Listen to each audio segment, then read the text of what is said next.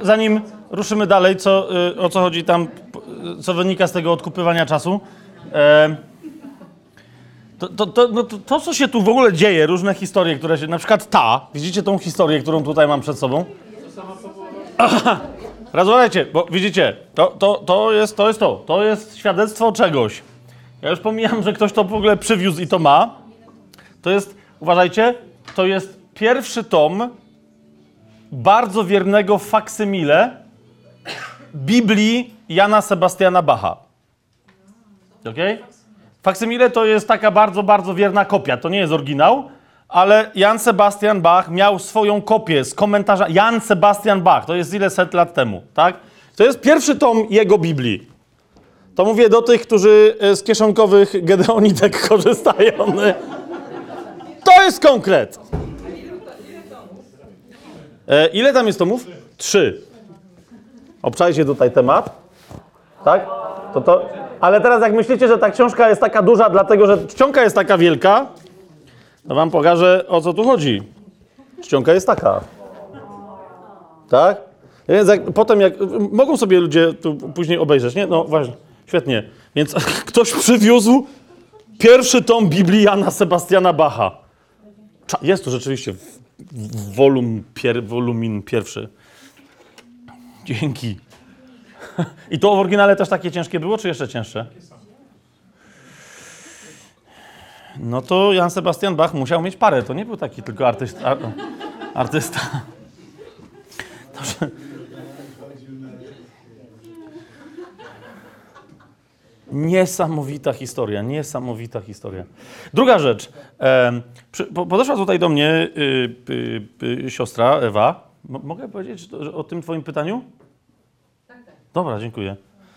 Yy, z, z pytaniem, ona dzisiaj się chce ochrzcić. Tak? No Dobra, dobra. To, to, ta się chce ochrzcić, tam ci wiedzą gdzie. Dobrze. Ale, ale, ale y, będąc zupełnie młodą dziewczyną wciąż, jak, jak widzicie, je, jednak mówi, no, po, po, podeszła tu i mówi, ale no, tyle czasu straciłam gdzie indziej. Myśląc, że, że to jest prawdziwa religia i gdzie indziej, gdzie indziej był. I co, co teraz z tym? Co, co się dzieje? Co? I teraz ile mi czasu zostało?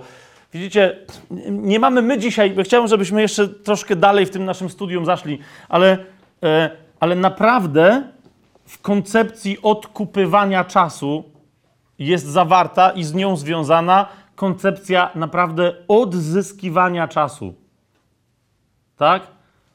Bóg zwróci ci, Ewa, do ciebie teraz mówię, Bóg zwróci ci, ale nie tylko do ciebie, tylko do każdego, kto ma to pytanie. Bóg ci zwróci wszystkie te lata, o których myślisz dzisiaj, że są stracone.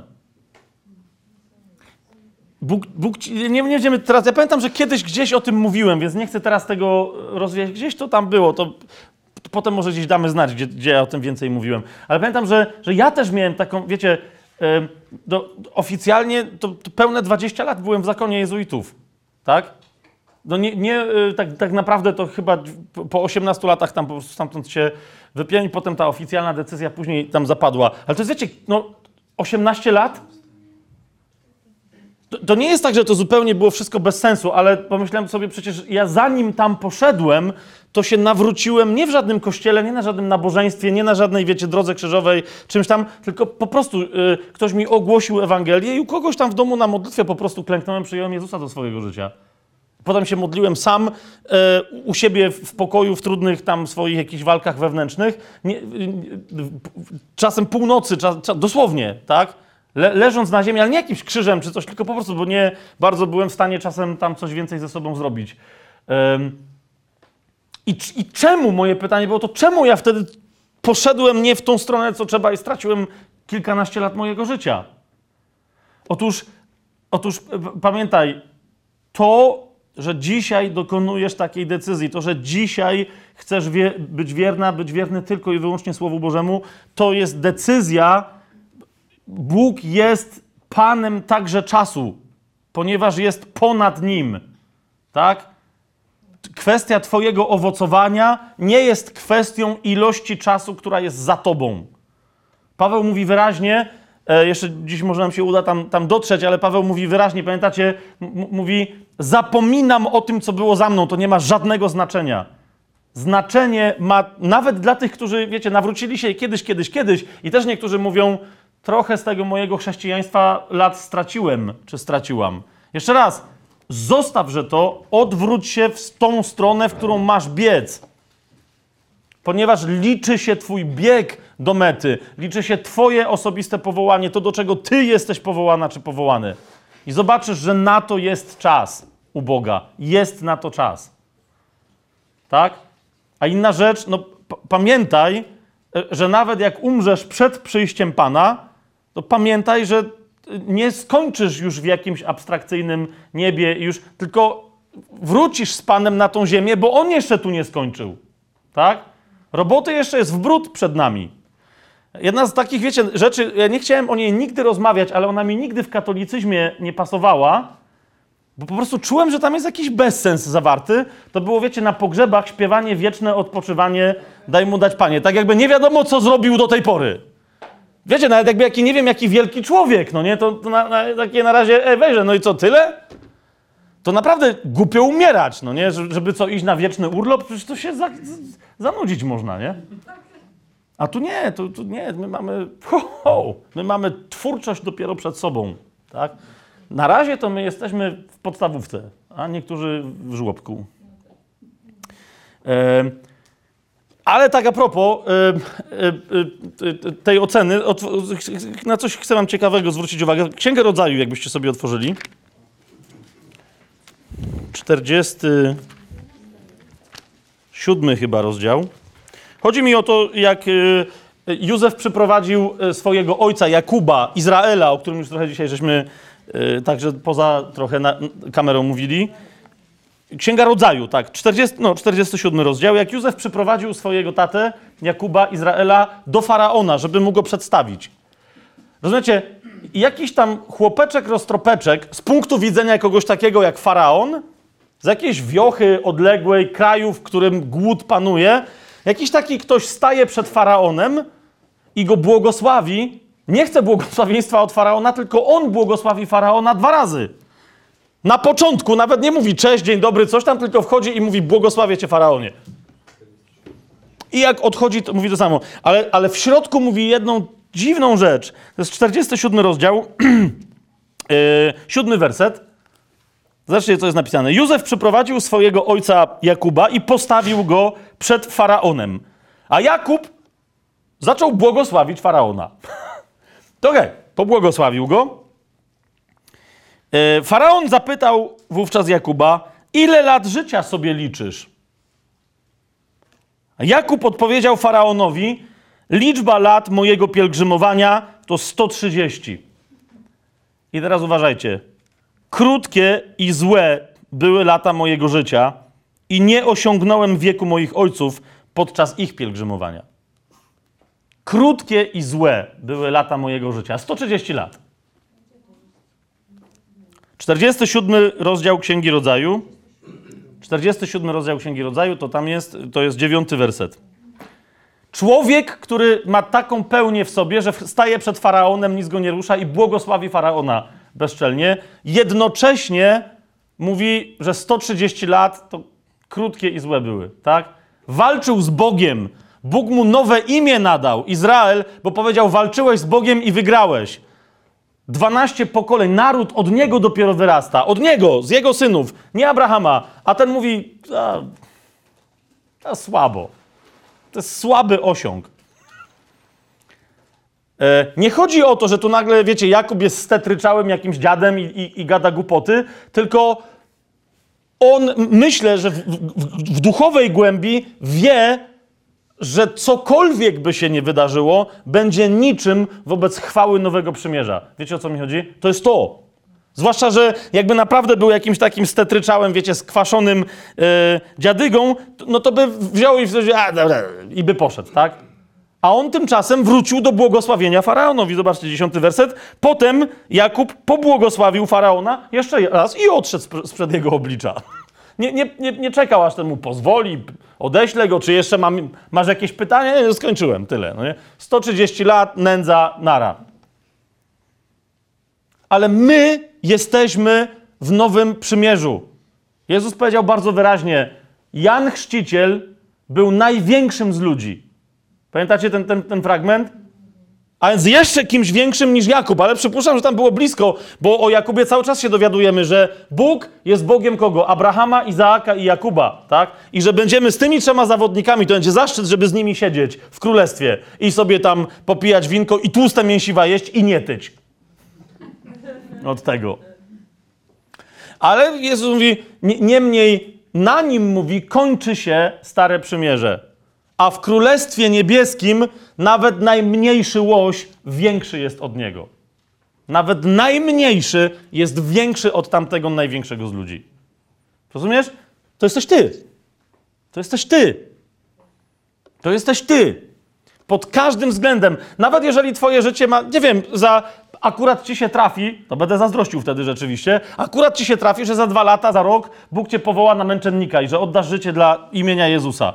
Tak? No powiesz, że to rok, ale rozumiesz, Bóg jest w stanie każdą chwilę twojego życia wypełnić, rozkręcić, ożywić, przepełnić witalnością, sprawić, żeby wybuchła w kreatywności i w twórczości.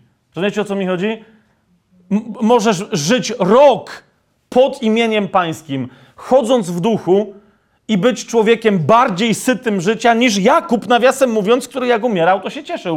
Mówi, że do, dobrze było. To faraonowi tylko tak powiedział, że co tam wiesz, nie? 130 lat, słabo było, nara. Ale ty w ciągu roku możesz użyć więcej na tej ziemi, a jeszcze więcej czeka cię w przyszłości. Ewa, mamy to? Bóg ci, Bóg ci odda każdą sekundę, o której ty myślałaś, e, o której ty myślałaś, że była e, stracona. I teraz wracamy do, do czasu. Zobaczcie, jak Jezus mówi o swoim czasie. To on wie, wielokrotnie mówi o tym, jak wykorzystuje swój czas, ale taki e, mocny dla nas moment, żebyśmy mieli mo, pomost do następnego tematu, to jest dziewiąty rozdział Ewangelii Jana. Zobaczcie sobie, co, e, co tam Pan Jezus mówi.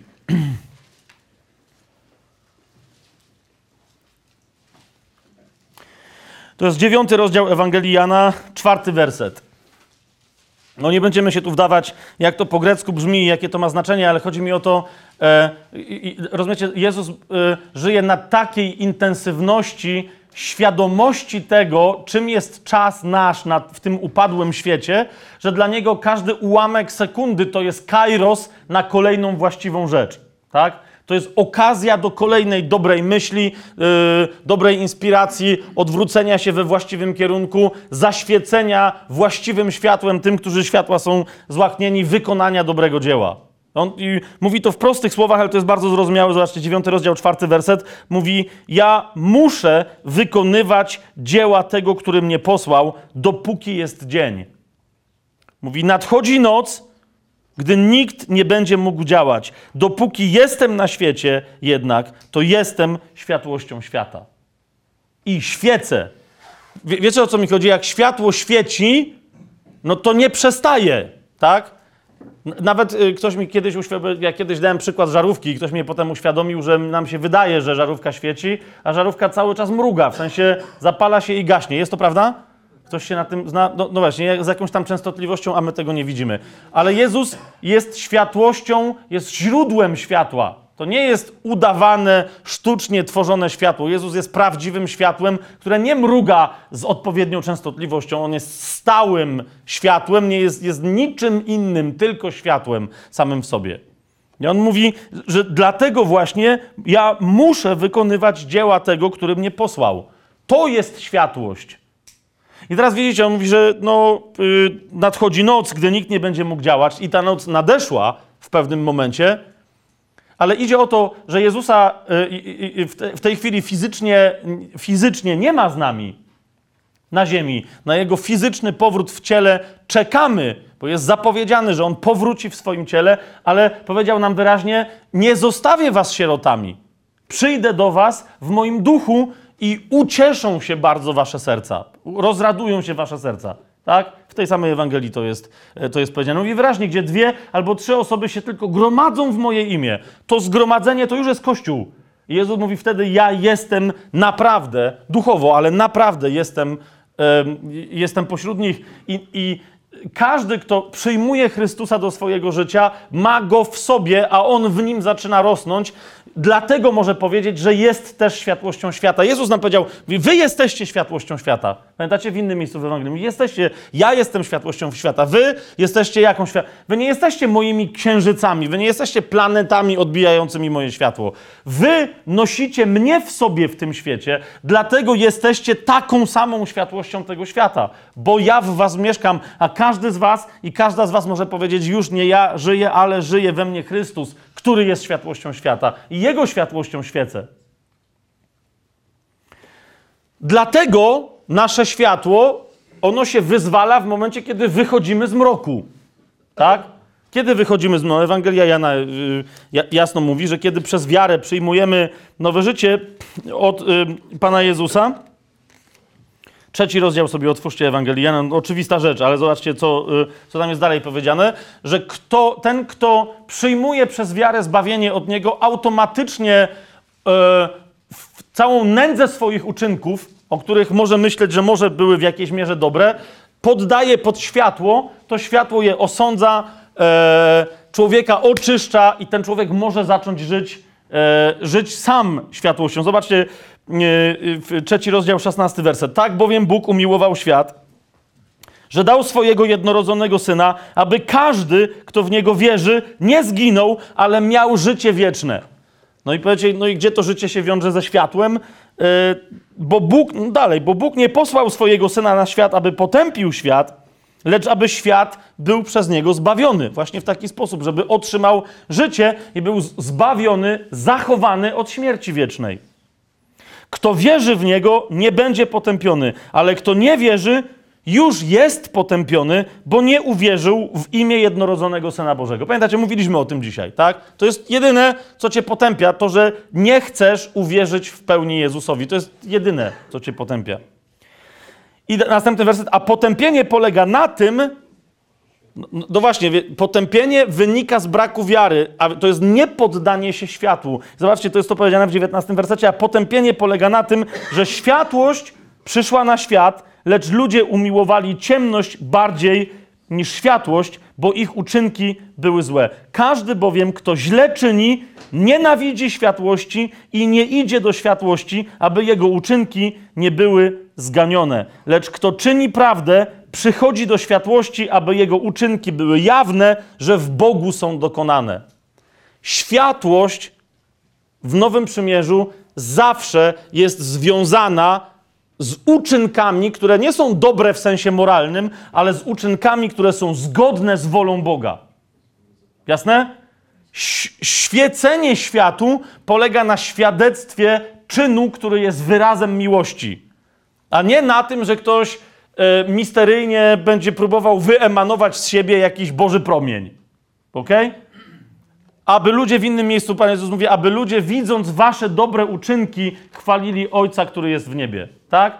Widząc nasze dobre uczynki, widzą światło i nawet jak nie oddali życia Ojcu, to nie mogą się oprzeć, ale powiedzieć, jest Ojciec, jest Bóg na niebie i to jest właśnie dowód na Jego obecność. Tak? Czyn nie w sensie jakiejś takiej czy innej, wiecie, prawa takiego czy innego, czy moralności takiej czy innej dobry, ale dobry w takim sensie, że wynikający z woli Boga, wykonany, wykonanie tego, co On chce, żeby było wykonane wtedy, kiedy chce, żeby było wykonane. Jeszcze raz e, list do Efezjan sobie otwórzmy. Jeszcze, y, y, jeszcze raz, ja wiem, że parokrotnie o tym w różnych miejscach, nawet tutaj kiedyś żeśmy o tym mówili, ale to jeszcze, jeszcze raz trzeba to zobaczyć. Zobaczcie. Zbawienie, kiedy przychodzi do człowieka, który jest niezbawiony, ożywia go, ratuje go od śmierci wiecznej, ale wraz z tym życiem nie zaczyna się teraz kurczowe aż do śmierci trzymanie się, żeby czasem tego życia nie stracić, lecz to życie ma zacząć być obracane jako te talenty, jako te miny ma zacząć być obracane i zamienić się w owoce. Człowiek ma upaść w ziemię jak z ziarno i wyrosnąć z niej jako kłos pszenicy owocujący lub jako drzewo owocujące, przynoszące owoc obfity. Tak? Zobaczcie, y, list do Efezjan, drugi rozdział. Yy, Wersety 8-10, nie będziemy już tego szerszego kontekstu brali, czyli łaską bowiem jesteście zbawieni przez wiarę. I to nie jest z was, jest to dar Boga. Dodajmy darmowy, no bo dar nie może być, wiecie, tak? To, to nie jest wypłata od Boga. Zasłużyłeś se, to teraz masz zbawienie. Nie.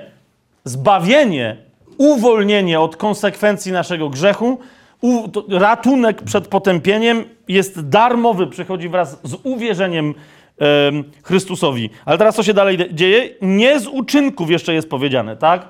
Że to nie pochodzi z was i nie z uczynków, żeby się nikt nie chlubił.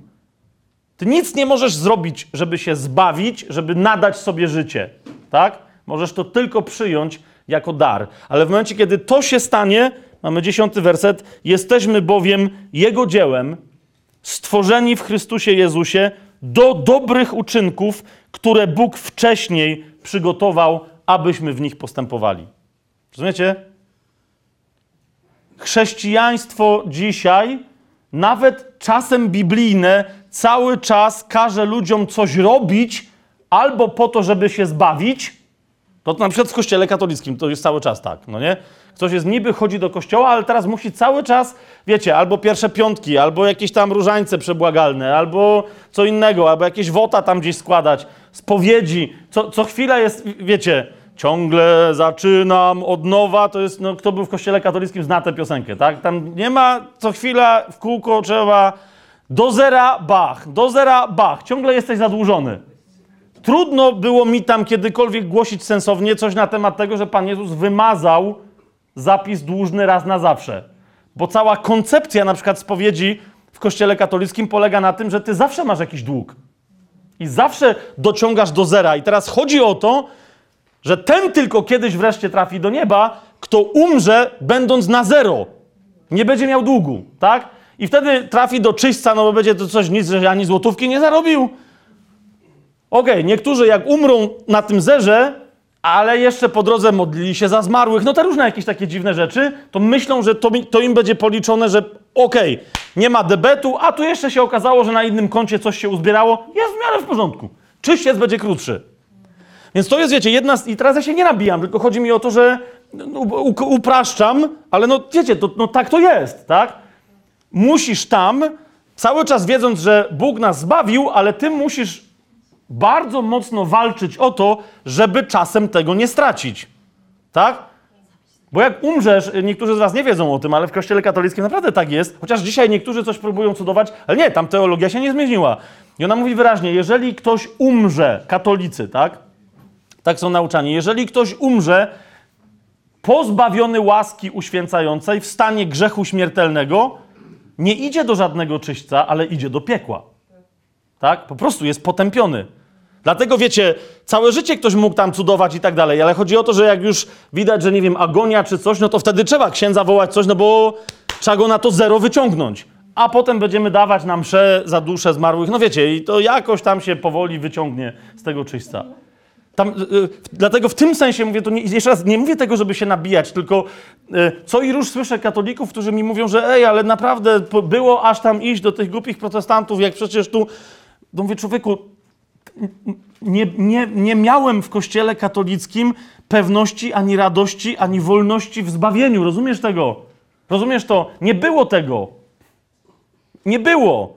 Ale bo coś. Nie, no nie, ale bo coś. Jeżeli zapewnia mi łaskę uświęcającą pójście do spowiedzi, to znaczy, że ja się zbawiam z uczynków, chociażby takich, tak zwanych uczynków pobożnych. No rozumiecie, o co mi chodzi? To, to jest konkretna robota, to prze- naprawdę, to rachunek sumienia, pięć tam jakichś warunków jest, żeby ta spowiedź w ogóle była ważna, jeszcze ksiądz nie wiadomo, czy cię odpuka i tak dalej, i tak dalej. To jest konkretna robota przy samej spowiedzi. A weź teraz jeszcze inne historie, tak? Nie pójdź do kościoła w niedzielę, co to jest?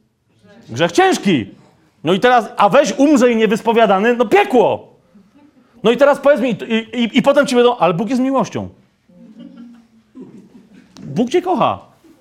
Serio, i jak nie pójdę do kościoła w niedzielę, no człowieku, Bóg cię kocha, ale sobie nie pozwalaj. No, no nie, rozumiecie, bo to, no, to praktycznie to do tego się sprowadza. To y, wy się śmiejecie, ale wiecie, to jest przerażające. Tak? Ale teraz zauważcie, z drugiej strony są też tacy chrześcijanie, już nie będę mówił, ale są też tacy, którzy, którzy mówią, no tak, Pan Jezus cię zbawił, to jest w ogóle wszystko super, ale wiecie, dla mnie to jest naprawdę wtórny katoli- katolicyzm, kiedy mówią, ale ty nigdy, to nie możesz mieć nigdy pewności zbawienia. Jeszcze raz, wie, wiecie, chociażby z tego prostego powodu, że, że ja niepewność zbawienia to mi już katolicyzm zafundował. To dlatego po prostu nie, nie, ja naprawdę nie mogę tego w Biblii zobaczyć. Bo, bo, na, bo jeżeli nadal mam być biblijnie wie- wierzący i Słowo Boże naprawdę w tej kwestii jest jasne, ale jeszcze raz powtarzam, tylko to, jeżeli to ma być naprawdę dobra nowina, to powinienem przynajmniej mieć tę jedną pewność, że nie pójdę do piekła i że to jest pewne. Rozumiecie o co mi chodzi? I że to jest pewne, a to jest pewne przez krew Jezusa, którą przyjmuję. Tak? Jeżeli ktoś mi mówi, nie, nie, to nie jest pewne, to ty jednak nie bądź taki pewny, to mówię, to, to naprawdę to czas wrócić do kościoła katolickiego, bo oni to mają lepiej rozwiązane. Wie, bo tam jest, rozumiesz, wychodzisz z konfesjonału, to najwyżej jak coś tam się, no przecież sam spowiadałem, to wiem, to ja to, to mówiłem jasno, tak? Wie chłopie, to była spowiedź, ale nie można rozgrzeszenia. O, bo coś tam, no nie masz, bo są, i były, wiecie, jasne warunki, co musisz zrobić, żeby dostać to rozgrzeszenie. Po prostu, tak? I to nieważne, że krzyczysz na mnie, że sprawiedliwe, czy nie, to po prostu takie, takie jest prawo. I wiecie, i to jest jasne wtedy. A okej, czyli jak to zrobię albo tamto, może parę lat jeszcze pociągnę, a ryzyk fizyk, jakoś to będzie, tak? To tam, jeżeli zbawienie ma być niepewne, to w kościele katolickim naprawdę ta niepewność jest jakoś taka ogarnięta, no nie? Ten czyściec, je, powiedzcie, niektóremu się tam powinęła noga, to jeszcze czyściec ma, to jeszcze są modlitwy za zmarłych, tego wszystkiego w Biblii nie ma, ale jakby, wiecie, ludzie, którzy po prostu zamiast przyjąć w wierze Chrystusa ch- chcą siedzieć w religii, to przynajmniej to im jakąś nadzieję daje. Rozumiecie, nie? Całe życie ich nie interesowało, czy matka jest dobra, czy niedobra, czy ona wierzy w Boga, czy nie. No ta chodziła, tak? Ale jak już umarła, o, to teraz jest, teraz jest pora, żeby się zająć jej wiarą. No to już jest za późno, bo umarła. Ale to teraz ci nagle za nią się będą... Czy się za siebie módlcie? Tak? Jezus tym kobietom, co, co nad nim płakały, mówi, wy nie nade mną płaczcie, tylko nad sobą i nad waszymi dziećmi. Bo to wy macie problem. Nie, nie ja, ja go właśnie rozwiązuję. A wy nie płaczcie nade mną. A ci rozumiecie, naj, największa pobożność na przykład w Polsce katolickiej to jest, to jest pobożność dotycząca się nie siebie, tylko zmarłych. I jeszcze z liczeniem, że jak ja tak będę robił, to może o mnie też będą pamiętali. Także hulaj dusza piekła nie ma, jest czyściec, a w czyśćcu to już tam... O mój Boże, nawet jak nie będą za mnie nam przedawać, no to tam ile to może trwać? Tam milion lat, jakoś się przebędzie, nie? No to nie może, to nie jest tak. Nie jest tak. Przyjęcie zbawienia od Pana Jezusa musi cię otworzyć na nowe życie wtedy, kiedy to nowe życie przyjmujesz, a nowe życie oznacza nowy rodzaj uczynków i o tym mówi e, dziesiąty werset drugiego rozdziału listu do Efezjan. Mówi bardzo wyraźnie, tak?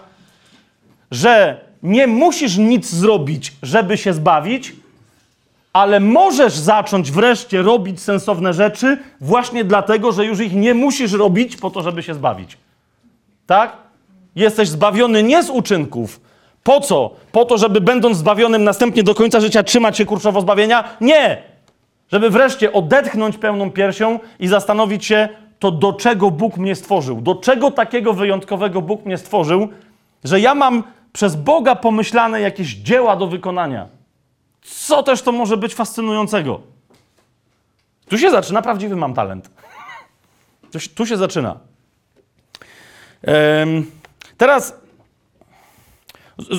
otwórzmy sobie jeszcze, zobaczcie jeszcze czwarty rozdział listu do Efezjan.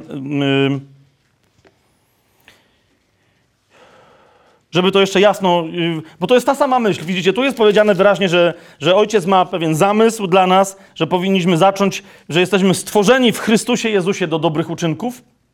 W naszego życia. Tak. Y, y, y, ch- Chcę wam tylko pokazać tutaj te, w tym dziesiątym wersecie jeszcze zauważyć, że tu nie chodzi o, o to, że my jesteśmy stworzeni, że się pojawiliśmy na świecie y, w łonie matki, tak? Tylko tu chodzi o nowe stworzenie. W momencie, kiedy przyjęliśmy, staliśmy się nowym stworzeniem w Chrystusie. Zobaczcie, tu jest powiedziane, jesteśmy bowiem Jego dziełem, stworzeni w Chrystusie Jezusie do dobrych uczynków.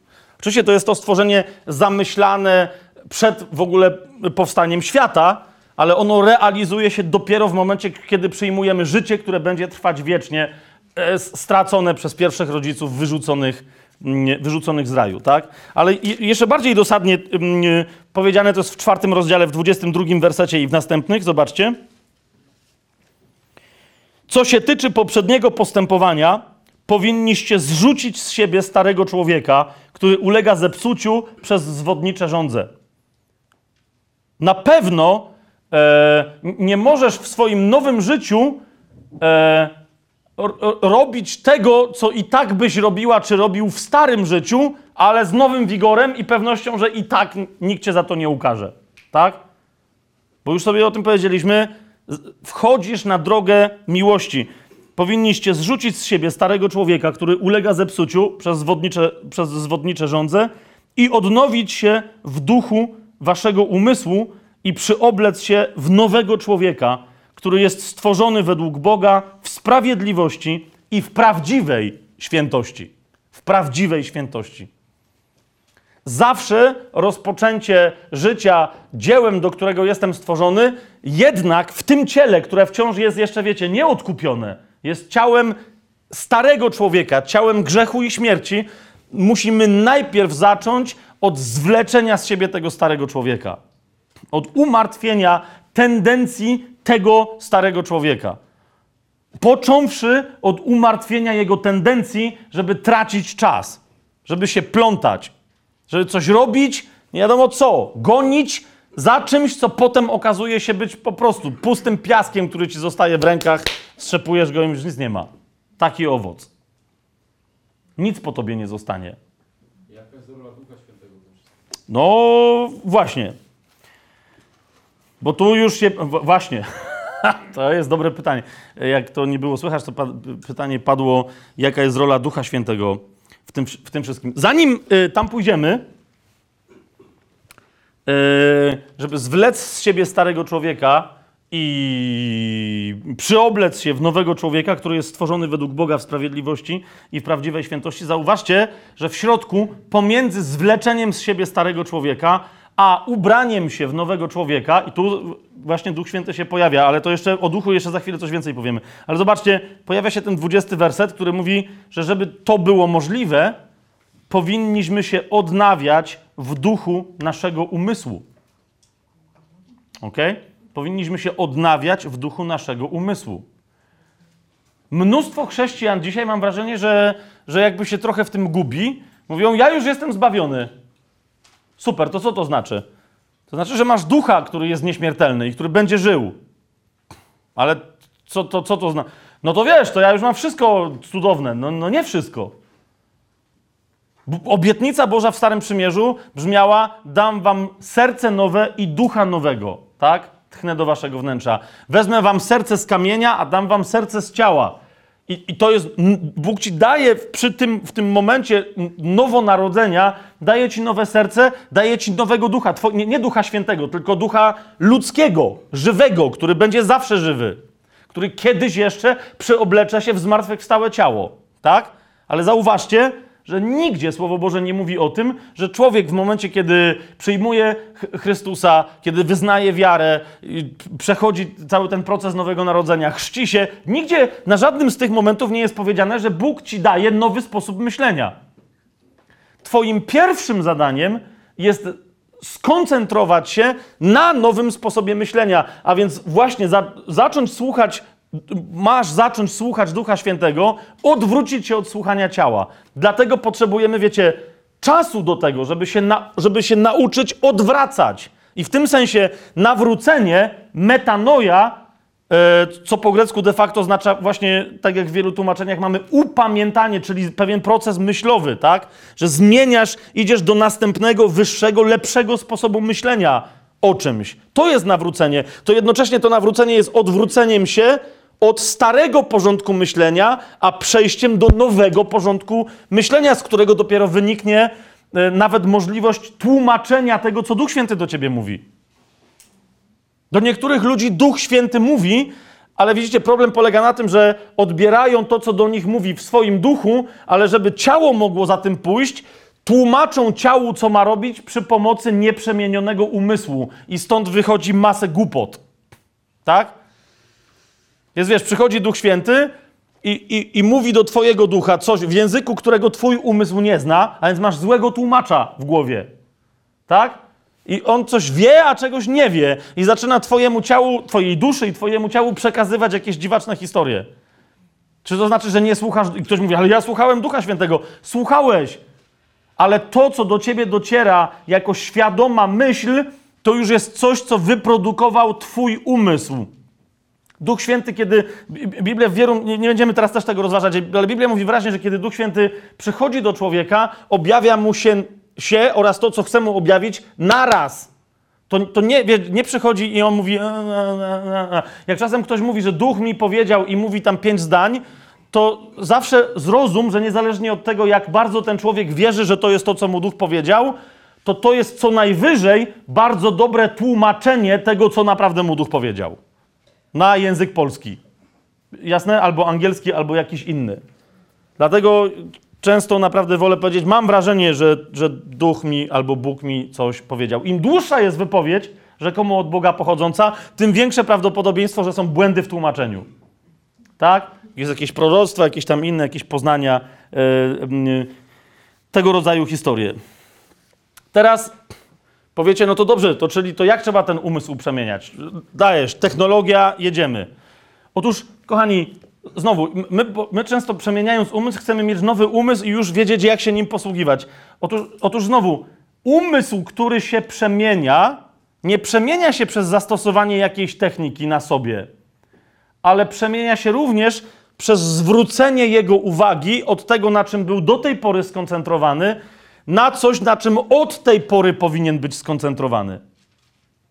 Umysł będzie się twój przemieniał nie dlatego, że ty coś z nim zrobisz, ale że ktoś coś z nim zrobi za twoim pozwoleniem, którym będzie zwrócenie się do tego kogoś.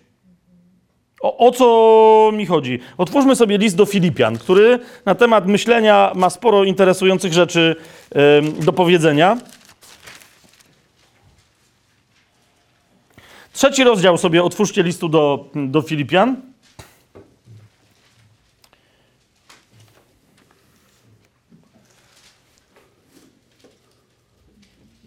To jest pierwszy krok do zmiany umysłu. Nie doświadczenia, jak niektórzy mi mówią, że trzeba mieć doznanie tam jakieś, tak? Ktoś mi kiedyś naprawdę, naprawdę, mi- rozumiecie, naprawdę ktoś mi powiedział, że jak ty nigdy, ja powiedziałem, że nigdy nie miałem spoczynku w duchu żadnego, czy, nie, jak to się to nazywa w, y, w protestanckich kościołach?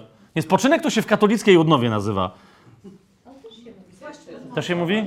Jakie? Paść pod mocą. O, to jest też dobre. I ja w każdym razie, ja tam powiedziałem, że ja nigdy tam nie padłem pod mocą ani nic takiego. Rozumiecie? I nagle e, tam taka osoba funkcjonująca jako jakiś taki mentor tak spojrzała na mnie i mówi to jesteś pewny, że przemieniasz swój umysł? I to było moje takie poważnie, mam, mam paść i to mi przemieni umysł? to, to znaczy, że mam jakiś umysł, który nagle ma się inaczej rozwijać niż. Znaczy, że mam nowy umysł. Nie. Znaczy, stary człowiek nawet wiedział, jak rozwijać umysł, tak? W procesie uczenia się, w procesie poznawania zasadniczo. Tak się rozwija umysł, tak? Dziecko się uczy języka, uczy się świata, ma doświadczenia, ale nie transowe i odlotowe i e- ekstraterestrialne czy cielesne, tylko ma doświadczenia zmysłowe, yy, nad którymi przeprowadza refleksję. Yy, yy, na przykład patrzy na coś mądrego, rozwiązuje zagadkę, poznaje kogoś, kto, kogo następnie postanawia naśladować. Jest to jasne, co mówię? To tak działa umysł. Teraz ten umysł ma być odnowiony, bo jest stary. Jak on się odnawia? Trzeci rozdział listu do Filipian. Paweł mówi wyraźnie, masz dalej ten sam umysł. Żeby go odnowić, żeby go przemienić, musisz go skoncentrować na innego rodzaju poznaniu. Trzeci rozdział listu do Filipian od ósmego wersetu będziemy czytać. Paweł mówi, owszem, owszem, wszystko uznaje za stratę. Jeszcze raz, jaki jest wyjątek od wszystko? Nie ma żadnego. Wszystko uznaje za stratę wobec jednej rzeczy, która jest tylko i wyłącznie, ta jedna rzecz jest korzyścią. Zobaczcie, wszystko uznaję za stratę dla znakomitości poznania Chrystusa Jezusa, mojego Pana, dla którego wszystko utraciłem, ale jakby Paweł mówi, ale i bardzo dobrze, bo to był gnój, dla którego wszystko utraciłem i uznaję to za gnój, aby tylko zyskać Chrystusa. Rozumiecie? To jest pierwsza rzecz. Wszystko uznaję za stratę ze względu na tę jedną rzecz. Znakomitość. Absolutną magnificencję. Nie, nie, nie mam jeszcze lepszego określenia. Tego, czym jest poznać Jezusa Chrystusa. I patrzcie i dalej, dziewiąty werset. I znaleźć się w Nim nie mając własnej sprawiedliwości, nie mając na swoją obronę żadnego uczynku. To nie ma żadnego znaczenia, ale wiedzieć tylko, jakie są Jego uczynki we mnie, tak?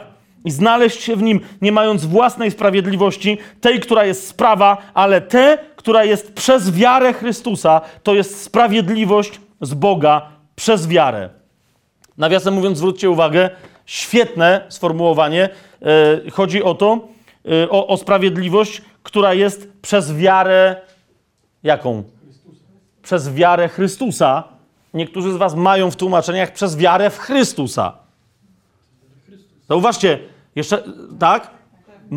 Darem Chrystusowym w nas jest Jego wiara w nas, dzięki której, której my możemy wierzyć. Pamiętacie, jak mówiłem, że, że, że dlatego każdemu dał różną miarę wiary. I to jest czyja wiara? To jest Jego wiara. W wielu miejscach Biblia nie mówi o wierze w Niego, ale o Jego wierze, która działa w nas, dzięki której my możemy wierzyć. Tak? I idźmy, rozumiecie, dla mnie w ogóle y, chrześcijaństwo, jego moc, jego, jako, jako absolutnie fascynująca droga jeszcze tu w tym ciele, jeszcze tu na tej ziemi, jest opisana w dziesiątym wersecie tego trzeciego rozdziału listu do Filipian. Dla mnie to jest streszczenie, to jest wszystkiego. O co ma chodzić chrześcijaninowi tutaj w tym życiu albo chrześcijance? Poznać Jego i moc Jego zmartwychwstania. Dosłownie tyle poznać Chrystusa i poznać moc Jego zmartwychwstania. Naprawdę to jest wszystko. Jak masz tę wiedzę, przez, dosłownie przez tę wiedzę zaczynają się dziać rzeczy. Przez, naprawdę przez samo to poznanie. Tak? Nic innego nie jest ważne. Teraz, no, na, I teraz widzicie, już nie każcie mi mówić, co to znaczy, po, jak się poznaje Chrystusa. Tak? Masz słowo? Masz słowo. Nie twoje wyobrażenie o słowie, ale masz słowo. Czytane od początku, od pierwszej deski do ostatniej, od ostatniej z powrotem do pierwszej i jeszcze raz, i jeszcze raz, i jeszcze raz. Pod tym względem e, wiem, że teraz znowu niektórzy charyzmatycy i zielonoświątkowcy na mnie trochę naskoczą, ale co, co ja poradzę, że wszystkim podpadam. E, na przykład z tego powodu e, uwielbiam absolutnie niektóre e, zbory i o, dużo odmian e, e, denominacji baptystycznych, ponieważ w nich, nie tak jak na przykład u Świadków Jehowy czy w innych jeszcze miejscach, gdzie się, wiecie, uczy pewnych takich do, do, do, do szermierki pewnej e, cytatów, tam e, naprawdę od małego e, miłość do słowa idzie wraz z praktyką słowa, tak? Dos- Dosłownie w niektórych zborach, wiem, w Stanach Zjednoczonych są e, zajęcia w szkółce niedzielnej, tak? Dla dziesięcioletnich dzieciaków na przykład, czy 11-12-letnich, które polegają na tym, że przychodzi e, tam ktoś prowadzący i mówi dzisiaj mamy jazdę, dzieciaki. I oni już od razu dajesz, dajesz, dajesz. I rozumiecie, ja tak kiedyś patrzę na to nagranie, a oni mówią, że okej, okej, fajnie. I podnoszą Biblię, nie? E, Czekaj, to co to będzie za jazda z Bibliami dla dziesięciolatków, tak? I tam pada hasło, a gdybym wam powiedział, że jest temat smoków w Biblii. I ja tak, wiesz, mówię, okej, i teraz będzie jazda, że coś jakieś pokażesz im kwiatki, ptaszki, a oni od razu, rozumiecie, mówią, no to smoki i jadą z cytatami, tak? Bam, bam, bam. Ja się sam zdziwiłem, bo tam było tych cytatów całkiem sporo na temat smoków w Biblii. Potem jest kwestia, jakie to było tłumaczenie, ale weźcie, wy, mi teraz wyskoczcie z cytatów na i powiem, że nie chodzi o Hioba. Nie chodzi, tylko chodzi o konkretne sformułowanie, że smoki, no nie? A, a tamte dzieciaki, wiecie, bamba, i dla nich to jest zabawa, nie? O, okej, to jest dobry temat. I tam, wie, a tam ktoś wyskoczył, jeden cytat, drugi, trzeci i wszyscy do niego. Gościu!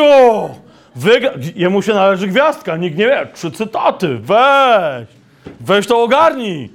Kapujecie taka zabawa? Więc w tym sensie, to jest pierwsze, tak, poznanie, ale jak się ktoś zatrzyma tylko na tym, że zna słowo dobitnie od przodu do tyłu i od tyłu do przodu, łatwo może wpaść w pychę wobec tych, którzy trochę słabiej znają słowo, albo w ogóle tam różnie z nimi bywa. Mówią, że mają doświadczenie duchowe, ale mówią, "A, ale nie znasz Biblii, to jesteś cienia, nie znasz doktryny i wiecie, i zaczyna się jazda, tak? Do tego, więc mówię, fajnie, ale dobra, do tego musi być w duchu i w prawdzie, tak? Do tego, do tego dochodzi doświadczenie duchowe rozeznawane, i o tym jeszcze mam nadzieję, że nam się to wszystko uda dzisiaj zmieścić, rozeznawane doświadczenie duchowe. Ktoś mówi, że przyszedł do mnie Pan Jezus. Dobra, dobra, dobra. Po owocach poznasz, czy to był Pan Jezus, czy, czy kto.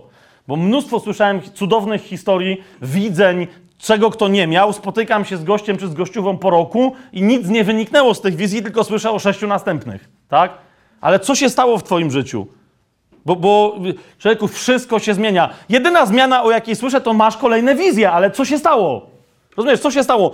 Ile osób, widząc Twoje życie, chwali Boga i mówi, jest Bóg na niebie? Ile osób, widząc Ciebie, przychodzi i mówi, ty, ej, co się stało? Ty jesteś w jakiejś nowej sekcie? Ona działa? To jest jakaś nowa firma? Masz jakiś nowy produkt? Mam, Jezusa. No okej, dobra, dajesz.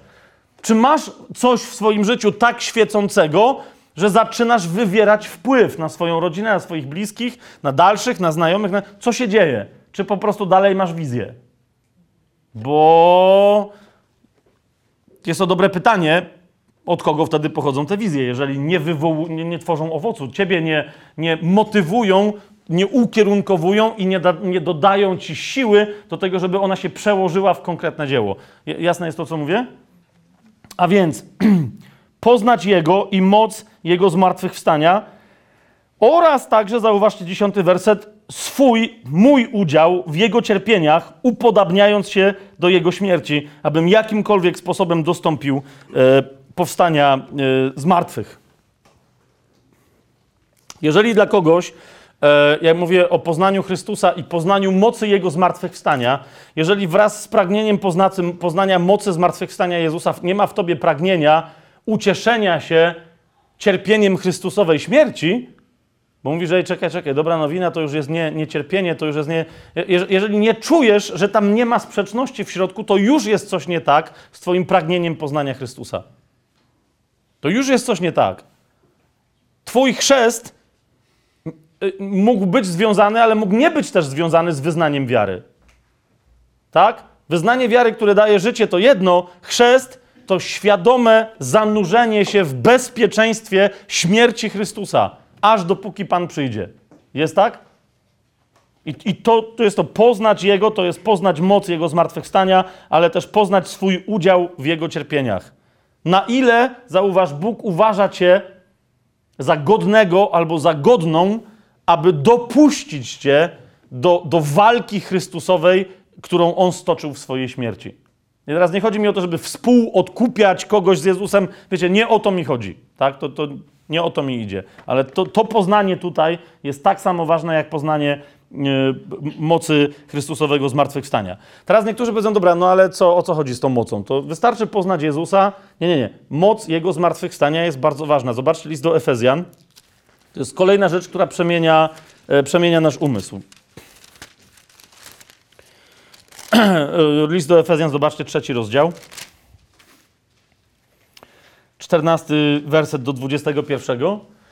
Są dwie bardzo mocne modlitwy w liście do Efezjan, o których Paweł mówi Efezjanom, że zanosi za nich do Boga. On o wielu rzeczach mówi Efezjanom, przypomina, co mają, tak? Łaską jesteście zbawieni przez wiarę, no to jest list do Efezjan, tak? Ale jednocześnie mówi im o, o pewnych rzeczach, których pomimo pełni zbawienia jednocześnie nie mają, a więc wciąż są do, e, dobrym tematem do modlitwy, nie tylko ich własnej, ale on też się modli za nich. Że to jest bardzo ważne, żeby czegoś dostąpili. Czego? Trzeci rozdział listu do Efezjan, czternasty rozdział, zobaczcie, Paweł mówi, zginam kolana swoje przed Ojcem naszego Pana Jezusa Chrystusa, od którego cała rodzina na niebie i na ziemi bierze swoją nazwę. A więc mówi, to jest taka modlitwa, klękam przed Bogiem, żeby co? 16 werset. Żeby według bogactwa swojej chwały sprawił, iżby wasz wewnętrzny człowiek był utwierdzony mocą przez jego ducha. A propos, mamy znowu Ducha Świętego tutaj, tak? To jest, widzicie, kol- kolejna rzecz. Modlę się, żeby Duch Święty tak mocno działał w waszym duchu, żeby to wpłynęło na całą waszą osobę. Że właśnie, żeby, żeby, żeby ta robota, którą jest przemiana umysłu, zwlekanie z siebie starego człowieka, a umacnianie nowego, że- żebyście, żeby to nie tylko wasza robota była, ale żebyście w niej tak, jak to jest możliwe, dali działać Duchowi Świętemu samemu w sobie. Dalej, 17 werset. O co dalej? Aby Chrystus przez wiarę mieszkał w waszych sercach, abyście zakorzenieni i ugruntowani w miłości mogli pojąć wraz ze wszystkimi świętymi, jaka jest szerokość, długość, głębokość i wysokość i poznać miłość Chrystusa, która przewyższa wszelkie poznanie, abyście zostali napełnieni całą pełnią Boga. Okay? Poznawanie Chrystusa, pamiętacie od czego dzisiaj zaczęliśmy? Od przywracania sobie pamięci o tym, jak jesteśmy kochani. Zobaczcie tutaj jeszcze raz. Chcesz przemienić swój umysł? Masz poznawać Chrystusa, ponieważ nic innego się nie liczy. Ale co jest centrum poznania Chrystusa? Jeszcze raz e, zauważcie. Poznać miłość Chrystusa, która przewyższa wszelkie poznanie. Poznawanie Chrystusa zaczyna się od poznawania miłości Chrystusa. Do kogo? Do ciebie. To się pojawia to bardzo tajemnicze stwierdzenie na temat tej miłości, żeby poznać ze wszystkimi świętymi, jaka jest szerokość, długość, głębokość i wysokość. Cztery wymiary. Nie będziemy teraz fizycznych rozważań tutaj snuć, bo ja się nie za bardzo nie znam na fizyce, ale mam wrażenie, że to jakiś związek z fizyką e, e, ma. Poznać miłość Chrystusa, który, która przewyższa wszelkie poznanie. I teraz zauważcie, co jest skutkiem tego? Abyście zostali napełnieni całą pełnią Boga. Bóg jest miłością. Ta miłość w całej pełni wyraziła się w, w miłości Chrystusowej do ciebie, a więc poznawanie miłości Chrystusa jest poznawaniem Chrystusa, ale też jest jedynym źródłem napełniania się Bogiem. Cała reszta musi z tego wynikać. Musi wynikać z doświadczenia tego, że On kocha ciebie i dlatego ty możesz kochać w jakiejś mierze dalej. Tak? Dlatego ty możesz kochać. Nie dlatego, że musisz. Dlatego, że jeżeli naprawdę zaczynasz doświadczać tej miłości, to chcesz do tej miłości się upodobnić, a ona nie jest skoncentrowana na sobie, ale wychodzi do ciebie. Więc ty w związku z tym, tak jak ta miłość, także wychodzisz z siebie do innych i im objawiasz tę miłość. A zatem w duchu i w prawdzie i w miłości. Tak? Znajomość Pisma Świętego mamy połączyć z doświadczeniem duchowym, ale ono cały czas ma być weryfikowane tym, czy coraz bardziej kochamy. Po pierwsze, czy coraz bardziej kochamy naszych współdomowników. W innym miejscu pisma, ja teraz nie będę, e, ale jak tu jest sporo dobrze znających osób Biblię, to jak ktoś z Was będzie miał pomysł, to e, pytanie, to się tam popytajcie. Ale Biblia mówi, że jeżeli wierzący nie szanuje dobrze, nie traktuje nawet niewierzących swoich, ale współdomowników, to jest gorszy niż niewierzący. Nie chodzi o to, że gorzej skończy, ale po prostu jest gorszy niż niewierzący. Bo nawet niewierzący potrafią współdomowników dobrze traktować. Tym bardziej my. Najpierw współdomowników, potem naszych siostry i nasze braci, tak? Miłujcie siebie nawzajem tak, jak ja was umiłowałem. Niektórym się wydaje, że jak w niedzielę na nabożeństwie e, się spotkają z resztą zboru i do wszystkich się uśmiechają, ha, ala Donald Trump, to wiecie, to że super, nie? Przecież mogłem się nie uśmiechać i siedzieć, wiesz. Weź, że się modlę na nie. A Jezus powiedział, nie, nie, nie, wy się nie macie kochać tak, jak wy se definiujecie kochanie. Tylko macie siebie nawzajem miłować tak, jak ja was umiłowałem. Nieważne, co fajnego robisz dla, dla ludzi, którzy są w twojej, w twojej wspólnocie, w twoim kościele, w twoim... To nie, to nie ma żadnego znaczenia. Jeżeli to nie jest to, co Chrystus by robił dla tych ludzi, to ich nie kochasz tak jak On. A On powiedział, tak się kochajcie, jak ja was ukochałem. Jasne to jest? Więc dlatego tak bardzo to nas, rozumiecie, poznawanie Chrystusa, poznawanie Jego miłości, doświadczanie jej, ono nam przemienia umysł tak, że my zaczynamy wyrażać się w miłości. A wtedy nawet się nie zorientujesz, kiedy po prostu odkryjesz, że Twój sposób kochania ludzi twoje rozumienie tego, jak Chrystus by kochał ludzi, jak On to tobie objawia, jest zupełnie wyjątkowy. Czy to jest jasne, co, co, co mówię? Ludzie nagle powiedzą, że wow, dobrze jest być z tobą. To jest tak jak, wiecie, Chrystusowi nie rozpoznając Go powiedzieli, dobrze jest być tutaj z tobą. Wielokrotnie Bogu objawiającemu się ludzie mówią, dobrze jest być z tobą. I ludzie tobie to też powiedzą, chociaż powiedz, wiesz, jak, jak, jak, jak wtedy przeprowadzisz szybką ankietę, czy uważasz, że jestem podobną, podobny do Chrystusa, y, w jakiej mierze, y, w skali od 1 do 10, to oni powiedzą, nie, chyba nie, bo Chrystus, wiesz, miał długie włosy, tam w Albie chodził, jakiś, to, nie, nie, ty jesteś taki konkretny, nie? To chodzi o to, że ludzie mają jakieś dziwne wyobrażenia na temat Jezusa a ty dla nich stajesz się Chrystusem, nie chcę powiedzieć wcielonym, ale objawiającym się.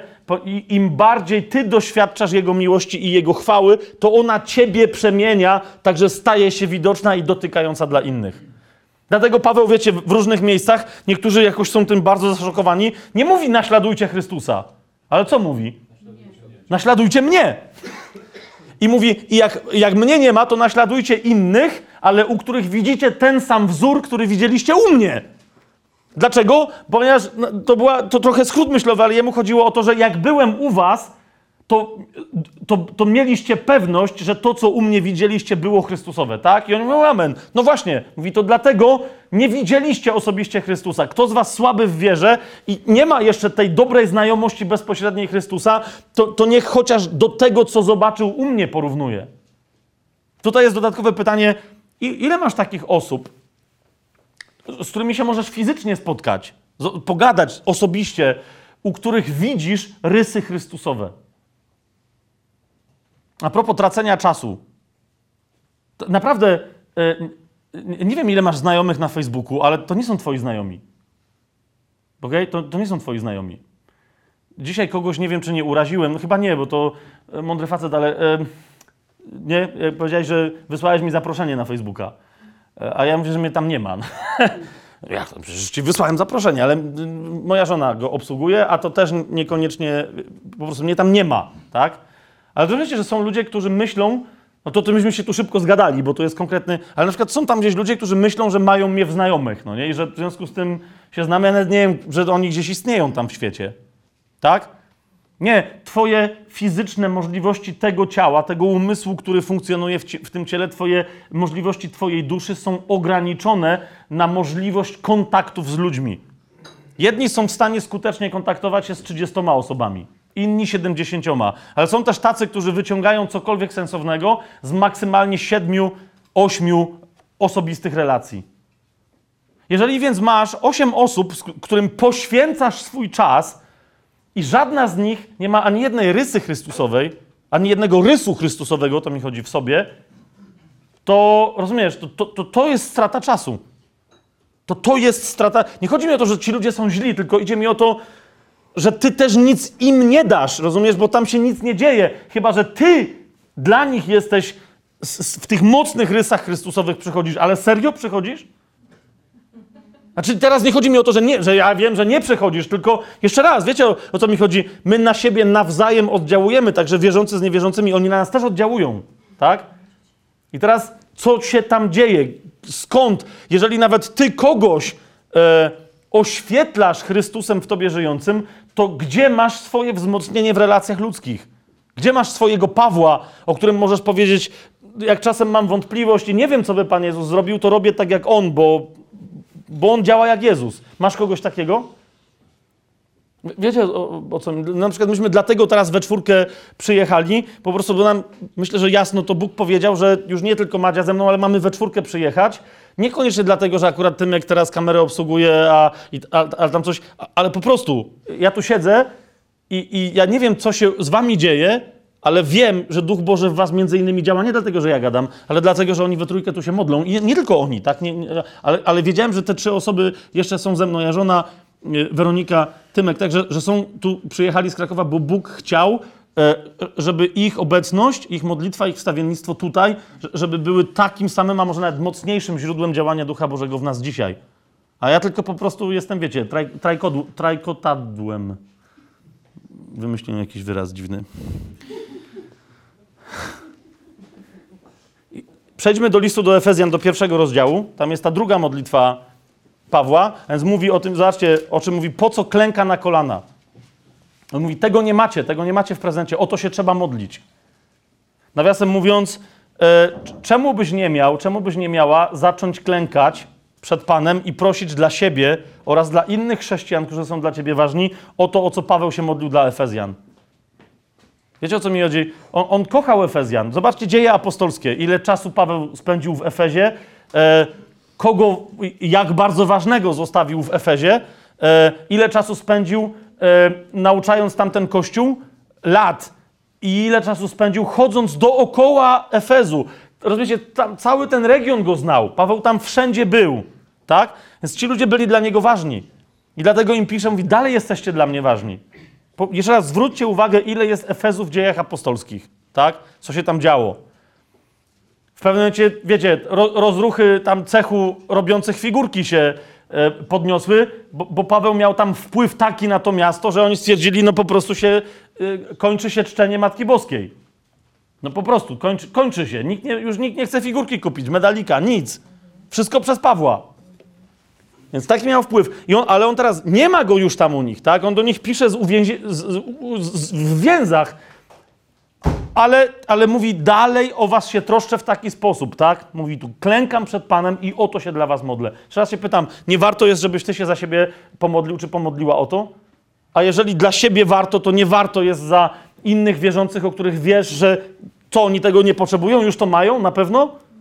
Jak nam Biblia mówi, y, żeby się wstawiać, żeby pamiętać o innych wierzących, że naszym obowiązkiem za każdym razem, jak się modlisz, modlisz, jest pamiętać, żeby się wstawiać za resztę ciała Chrystusowego. Zanim się zaczniesz modlić za swoich nienawróconych członków rodziny. Naprawdę. Szybciej się nawrócą, jak będziesz pamiętać o uwięzionych w Chinach, jak będziesz pamiętać o prześladowanych przez bojówki komunistyczne chrześcijanach biblijnie wierzących w Ameryce Południowej, jak będziesz pamiętać o spotykających się, ryzykując życiem, kościołach domowych pod islamem, tym, wiecie, spod znaku y, ISIS nawet, tak? Tam są chrześcijanie, którzy się spotykają, tak jak my teraz, ale to jest nielegalne.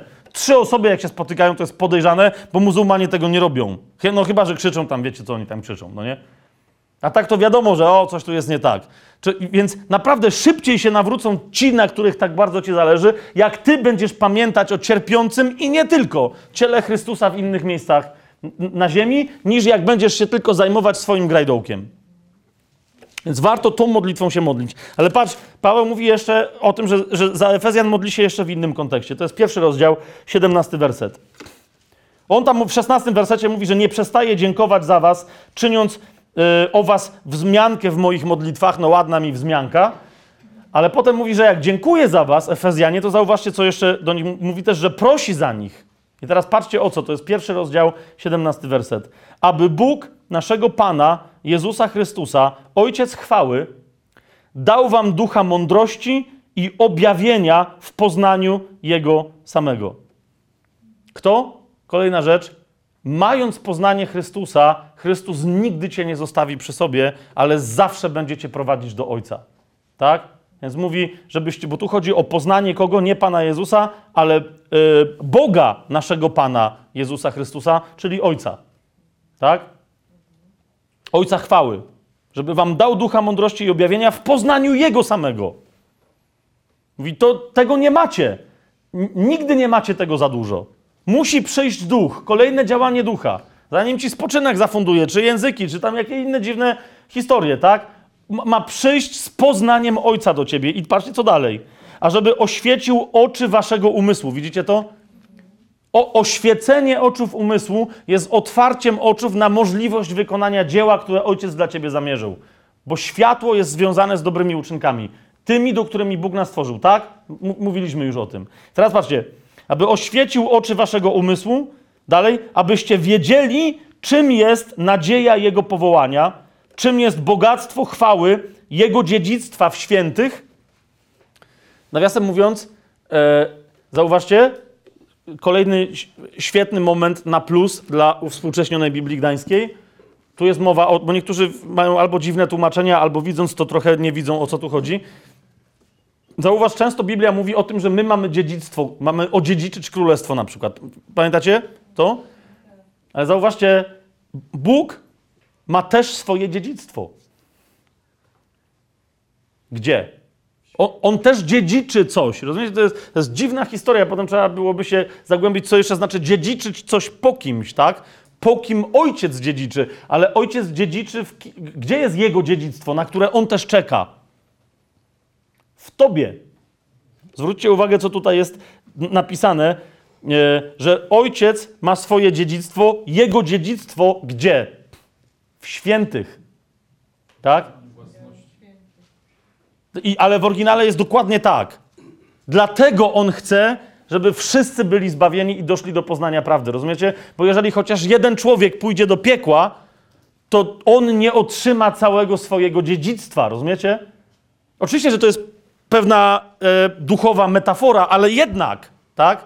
Jemu zależy na dziedzictwie, które ma we wszystkich świętych, a wszyscy mają być w jego rozumieniu świętymi, tak? Ale idźmy dalej. Co, o co się jeszcze Paweł modli, żeby, duch, żeby nam duch co objawił? Czym jest przemożna wielkość jego mocy wobec nas, którzy wierzymy, według działania potęgi jego siły? A więc zwróćcie uwagę, to jest bardzo taki skomplikowany fragment. Nie będę teraz wchodził tutaj w gramatykę grecką, na której się aż tak dobrze nie znam, żeby to jakieś profesjonalne, tak bardzo skomplikowane wywody, jakie tu zwykle się wywodzi, e, wam przedstawić. Niemniej na tyle e, te- tę grekę znam, żeby wiedzieć, okej, że, że jest tu mowa o mocy, która wynika z mocy jeszcze większej mocy, która działa w nas. Okej? Jeżeli jest mowa o czymś tak potężnym, to znaczy, że nie ma niczego potężniejszego, co ci Biblia może przedstawić, gdy chodzi o moc działającą w tym świecie. A jaka to jest moc? 20 werset. To jest ta moc, która się, którą Bóg okazał w Chrystusie, kiedy? Gdy go wskrzesił z martwych i posadził po swojej prawicy na wyżynach niebieskich. Widzicie to? Krótko mówiąc, jeżeli masz ty poznawać Chrystusa, poznać Chrystusa i moc Jego zmartwychwstania, pamiętacie list do Filipian? To chodzi o to, żebyś sobie wreszcie zdał sprawę i zdała sprawę, że w tobie, naprawdę, w to...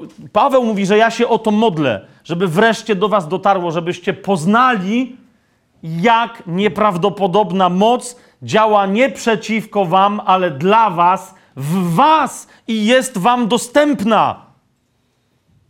Dlaczego? Powiecie, dobrze, ale to jest ta moc w nas działa ta sama, ale nie wiemy, czy tak samo. To jest ta moc, która wzbudziła Chrystusa z martwych i y, posadziła go na wyżynach niebieskich, ale czy to my mamy to samo? Wysoko ponad, 21 werset, wysoko ponad wszelką zwierzchnością, władzą, mocą, panowaniem i ponad wszelkim imieniem, wypowiadanym nie tylko w tym świecie, ale i w przyszłym. Tam są potem następne wersety, ale drugi rozdział zaczyna się, e, że słuchajcie, ta moc nie działa jakoś cząstkowo w was. Ona w was objawia się takim samym potencjałem. Zobaczcie, bo tu jest powiedziane i was. I was oznacza również was. Już ożywił. Na razie doświadczacie tego w duchu, ale jednak, tak? Ten duch już jest wskrzeszony, a on czeka na wskrzeszone ciało. Ale zobaczcie, i was ożywił, którzy byliście umarli w upadkach i w grzechach, w których niegdyś postępowaliście, yy, i tak dalej, i tak dalej. Le- czwarty werset tam przeskakuje. Lecz Bóg, który jest bogaty w miłosierdzie z powodu swojej wielkiej miłości, którą nas umiłował, i to wtedy, gdy byliśmy umarli w grzechach, ożywił nas razem z Chrystusem. Widzicie to? Czas przeszły. Greka nie zostawia tu żadnych wątpliwości. To się już stało. Ożywił nas razem z Chrystusem, gdyż łaską jesteście zbawieni. I dwa, razem z Nim wskrzesił i razem z Nim co zrobił? Posadził na wyżynach niebieskich w tymże Chrystusie Jezusie. Widzicie to? Twój duch jest jakoś związany z tym Twoim ciałem, ale zrozum, poznanie, z którym może przyjść do Ciebie duch, to jest kolejna przemiana umysłu, objawia Ci zupełnie zdumiewającą historię. Mianowicie, że Ty dzisiaj na ziemi funkcjonujesz naprawdę trochę tak, jak kiedyś o tym Pan Jezus o sobie powiedział. To znaczy, Twój duch bardziej związany jest już z duchem i zmartwychwstałym, zmartwychwstałym ciałem Chrystusa, które zasiada po prawicy boskiej w niebie. Twój duch dzisiaj jest bardziej związany z tym królem, który siedzi na tronie w niebie, niż z Twoim ciałem tutaj.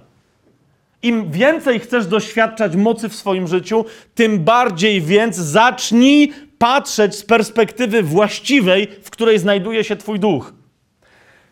Nie wiecie trochę o czym mówię, więc sobie otwórzcie Ewangelię Jana.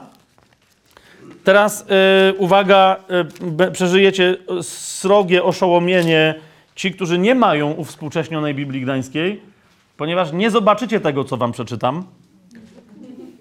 E, widzicie, ktoś mnie zapytał, czy uwspółcześniona Biblia Gdańska to jest najlepsze polskie tłumaczenie. Nie, to nie jest najlepsze polskie tłumaczenie. Pewnie są lepsze, które się innym będą najbardziej podobać. Chodzi mi tylko o to, że to tłumaczenie jest oparte na najlepszym oryginalnym tekście. Ono może mieć więcej błędów niż na przykład Liga Biblijna, tak? Ale Liga Biblijna jest oparta, nie, chcę dzisiaj tego rozważać. Ostatnio coś o tym mówiłem e, tu w Lublinie, to nie wiem, czy to nawet było nagrane. Na tajemnym planie będziemy o tym więcej mówić, tak że się tam, jak chcecie to zgłębić, to więcej wsłuchajcie. Chodzi o to, że uwspółcześniona Biblia Gdańska to jest po prostu bardziej przystępny dzisiaj język polski, ale to jest stara, oryginalna Biblia Gdańska, a ona jest oparta zasadniczo, nie chcę teraz się rozwodzić na ten temat, na oryginałach rękopisów antiocheńskich, na tradycji antiocheńskiej, tak? E, dzisiejsza tysiąclatka, także Liga Biblijna, e, e, Biblia Warszawska i tak dalej, i tak dalej, to jest najogólniej rzecz ujmując tak zwany Nestle Aland, tak?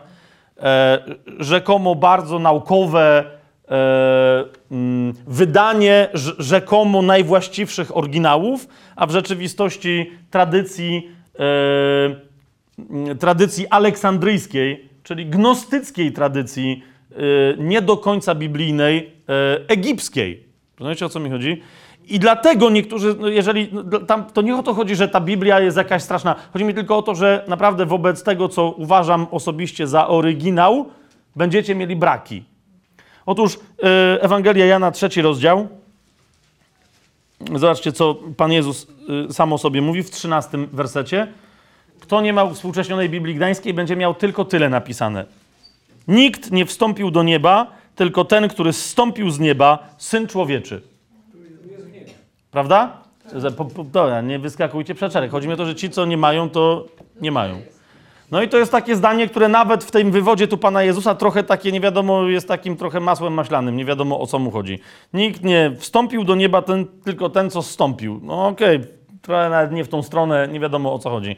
Ale pełne zdanie brzmi następująco: Nikt nie wstąpił do nieba, tylko ten, który zstąpił z nieba, Syn Człowieczy, który jest w niebie. Mówi to Syn Człowieczy, który stoi na ziemi. Rozumiecie o co mi chodzi? On już wtedy duchowo, jeszcze nie fizycznie, nie był wywyższony fizycznie, ale duchowo nadal był kim? Bogiem. A zatem mówił: Tu masz syna człowieczego, ale, ale ja jestem tym, który jest w niebie. W innym miejscu Jezus mówi: Zanim Abraham był, ja jestem. Jam jest, tak?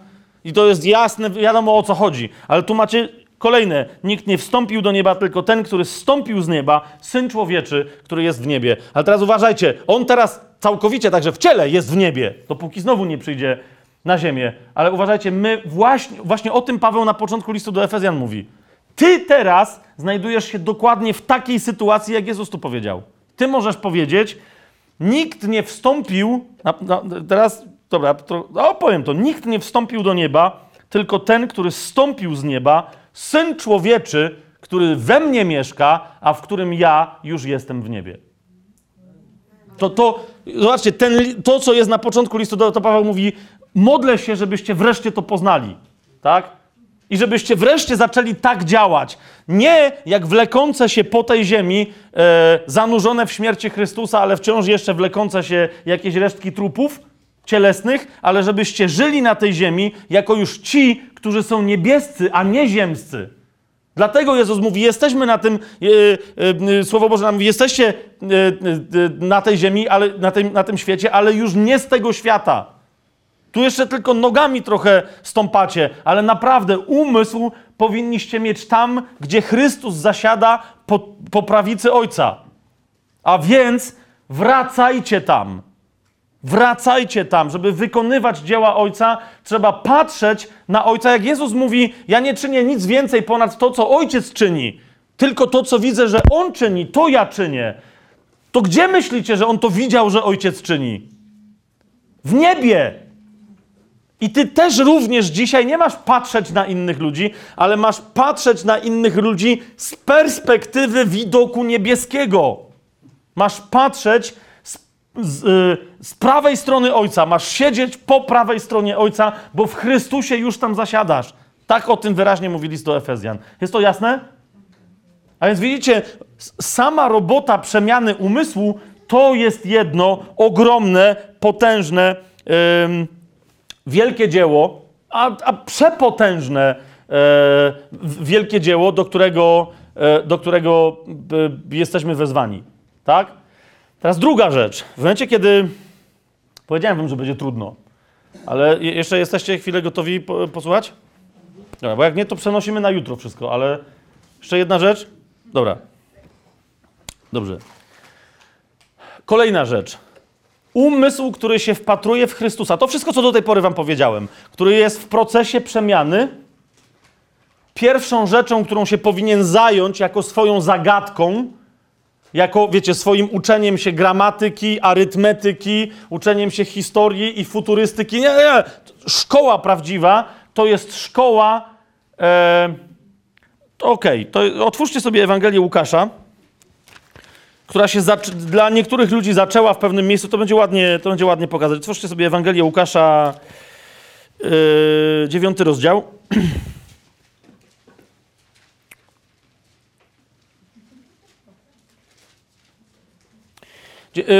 tak, żeby mieć kontekst. To jest yy, historyjka krótka, znaczy historyjka. Krótka, ale mocna. Dziewiąty rozdział Ewangelii Łukasza, 51 werset. Co się tam wydarzyło? Posłuchajcie tego.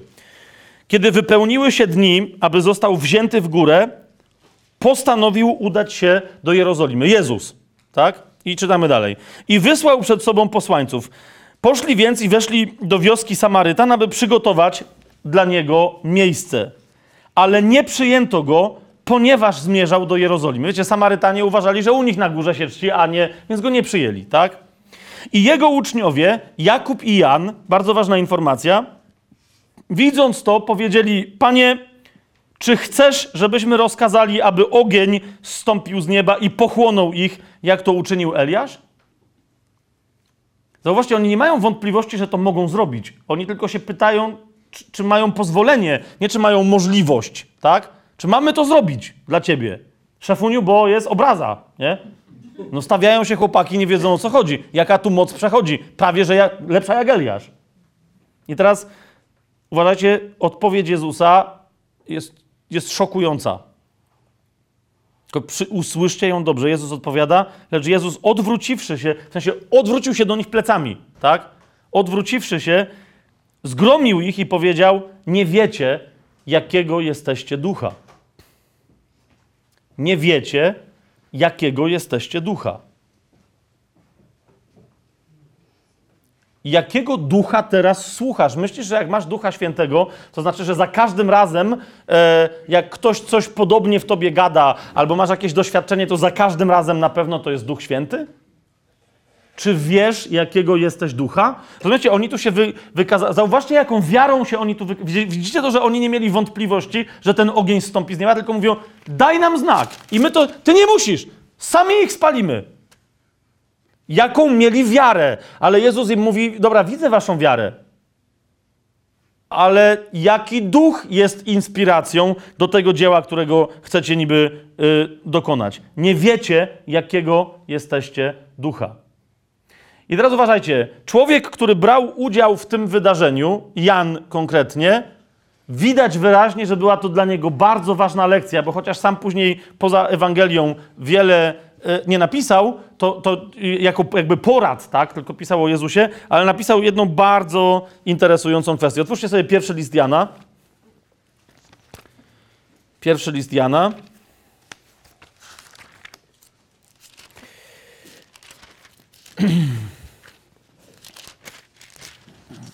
Czwarty, czwarty rozdział to będzie.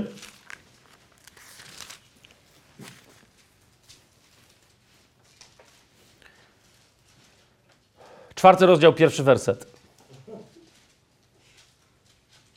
To jest gość, który pisze parę dziesiąt lat po tamtym wydarzeniu, ale naprawdę sami widzicie, że, że już wie, o czym mówi, tak?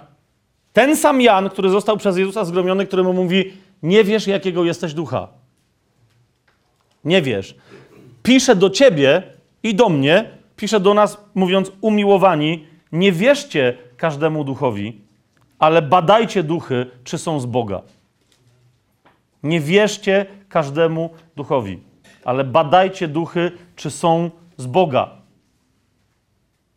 Jakie masz, dzisiaj nie mamy za bardzo czasu, bo już w zasadzie powinniśmy kończyć, ale, ale, ale to jest moje pytanie. Jaki jest Twój poziom dzisiaj czegoś, co Biblia nazywa rozeznaniem duchów?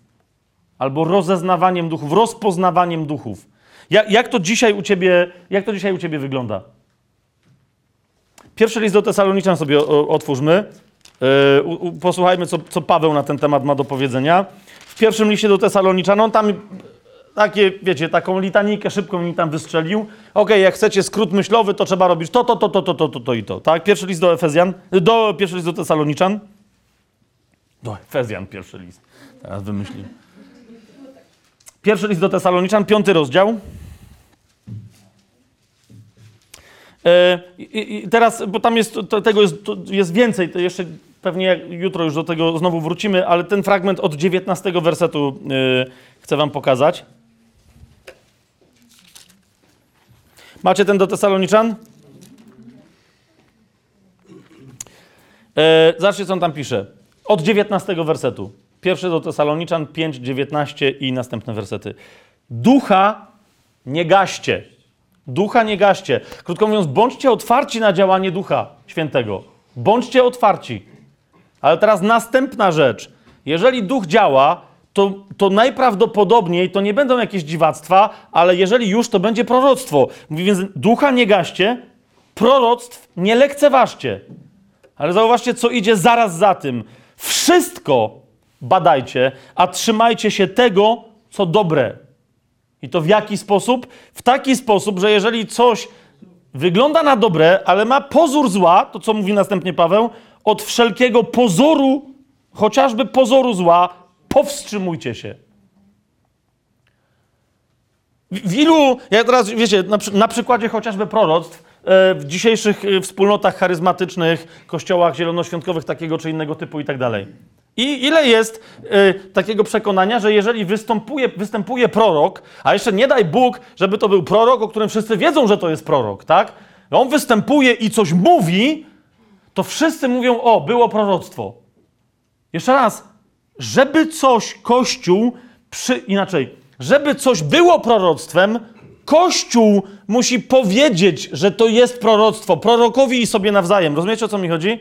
To jest tutaj, nie tylko tu, w pierwszym do Koryntian to jest wyraźnie powiedziane, ale to jest jeszcze raz, zobaczcie, ducha nie gaście, proroctw nie lekceważcie, ale wszystko badajcie, a z nich tylko to, co będzie dobre, tego się trzymajcie, to zachowujcie. Jeżeli by coś miało choćby pozór zła, nieważne, może też być ok, ale bądźcie tak ekstremalni w odróżnianiu. Odrzućcie to, co ma choćby pozór zła. I tyle. Jeżeli na przykład to wynika z tego, że prorok niejasno się wyraził, bo nie dosłyszał Ducha Świętego, to uwierzcie Duchowi Świętemu, że wzbudzi pięciu następnych, którzy powiedzą to samo proroctwo lepiej i Kościół powie, a okej, okay, no to tak, to teraz, to jasne. Wiecie o co mi chodzi? Ale to samo w twoim osobistym życiu.